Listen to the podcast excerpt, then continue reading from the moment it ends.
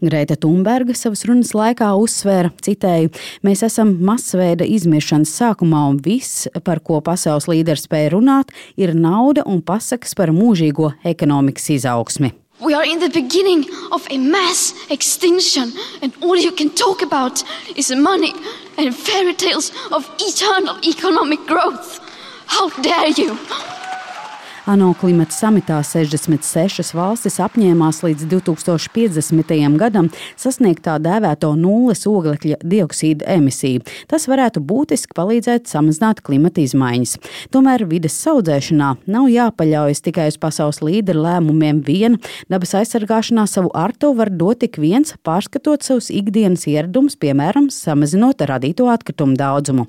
Zero waste, jeb nulles atkritumu kustība, kas pasaulē radās jau pagājušā gadsimta 60. gados, pēdējos gados uzņem apgriezienus un arī Latvijā sakluplo to cilvēku lokus, kuri ikdienā cenšas dzīvot vidē draudzīgi un meklē veidus, kā gudri un vidē draudzīgi arī iepirkties.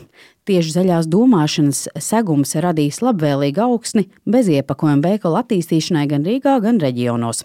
Viens no pirmajiem celmlaužiem bez iepakojuma veikalu biznesa sākšanai Rīgā ir veikals Turza, kas durvis vēra pirms vairāk nekā gada. To izveidoja Ilze Blāķa un Madara Bunzeniece. Ar Madaru tikās arī Latvijas rādio. Viņa stāsta, ka šādu biznesu izlēma veidot galvenokārt vides audzēšanas dēļ. Latvijā vēl nebija tāda veida veikali, bet zero waste tēma kā tāda bezatkrituma dzīvesveids, viņš palika ar vien populārāks un cilvēki ar vien vairāk interesējās, kā radīt ar vien mazāk atkritumus. Bet viņiem nebija vieta, kur iepirkties un daudz ikdienā nepieciešams preces dabūt bez iepakojuma, lai viņi neradītu atkritumus. Mēģinājām sākt ar to, kad sazinājāmies ar piegādātājiem, vai viņiem tā tēma kad uh, piedāvāt savu produkciju tarā, ko pēc tam var atgriezt un uzpildīt, vispār ir aktuāla un vai tā ir iespējama, protams, arī no pārtikas kvalitātes viedokļa. Iejot turzā, acīm paveras ikdienas veikalam neierasta aina. Nemiņas no krāsainiem produktu iepakojumiem un gar acīm ņirbošām krāsām, kas piesaistītu uzmanību vienam vai otram produktam. Te visi produkti ir vienādi tērpti, sabērti caurspīdīgos traukos. Veikalā atsevišķā plauktā sarindotas arī stikla burkas, kuras pircējs var izmantot, ja aizmirsies līdzi paņemt savu trauku. Madara stāsta, ka šis plaukts ir klientu veidots. Patīkami, manuprāt, tendence ir tas, ka cilvēkiem pazūd tā lielā nozīme tam iepakojumam pakojumam, visam tam mārketingam un marķējumam. Produkts ir produkts svarīgs pats par sevi. Satnāk, paņēma vienalga kādu burciņu, iebēra savu produktu, aizgāja mājās, atnesa to burciņu pēc tam atpakaļ. Tas man liekas patīkami. Bet, ja atnāk ar savu trauku, tad ir iepriekš jānosver. Ja? Jā, mums ir svariņi, mums ir vesels stends, kur mums meitene arī nosver traukus.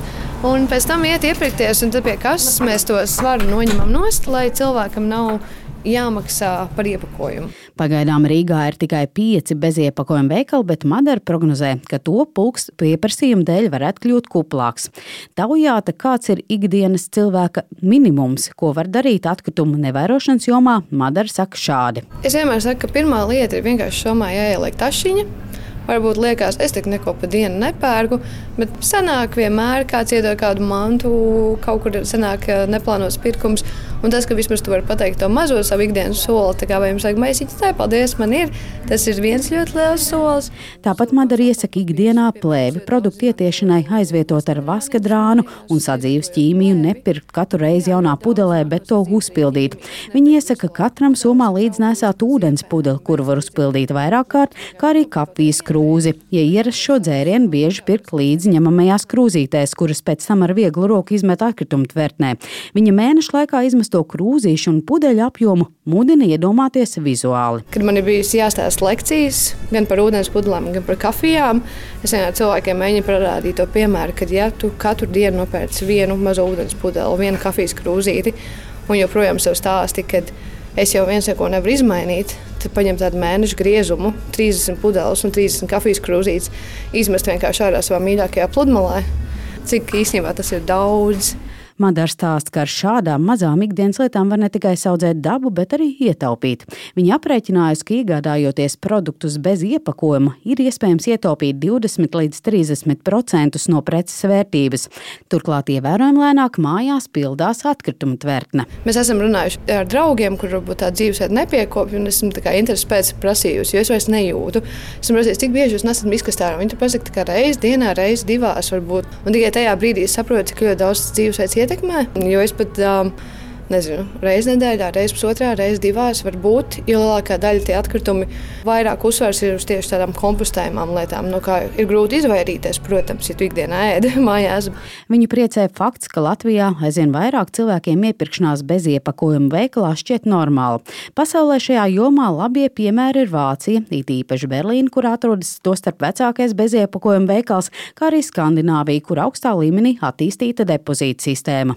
Pat labi pasaulē ir apmēram apmēram 160 beziepakojuma veikalu, un tos visus var aplūkot vienotā interneta vietnē. Vietne ir bepakt Com, un tur ir uzskaitīti visi, kas ir atvērušies, vai nu, jau aizvērušies, vai plāno vēl vienu. Jā, tur ir uzskaitīts visām valstīm, visām pilsētām. Ir ļoti interesanti paskatīties, tīpaši brauc ceļot, vienkārši apsīties, kur varbūt var ne tikai iet iepirkties, bet arī apskatīties, kā ir citās valstīs. Saistībā ar Zviedru aktīvisti un to, ka vides tēma šogad tika pacelta augstākajā līmenī, taujāja Madarai, kā viņa vērtē plašo rezonanci. Izvēlēt divas atbildes no pozitīvā viedokļa skatoties, jā, vidas tēma tika ļoti, ļoti pacelta. Arī Grēta, piemēram, labi daudz, protams, meklē, kāda tur ir aizmugure, kāpēc un ko.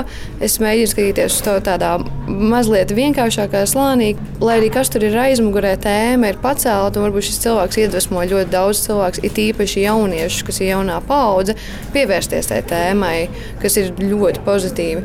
No otras puses, varbūt tas ir mazliet balstīts uz netik priecīgiem notikumiem, kad, diemžēl, notiek klimata krīzes.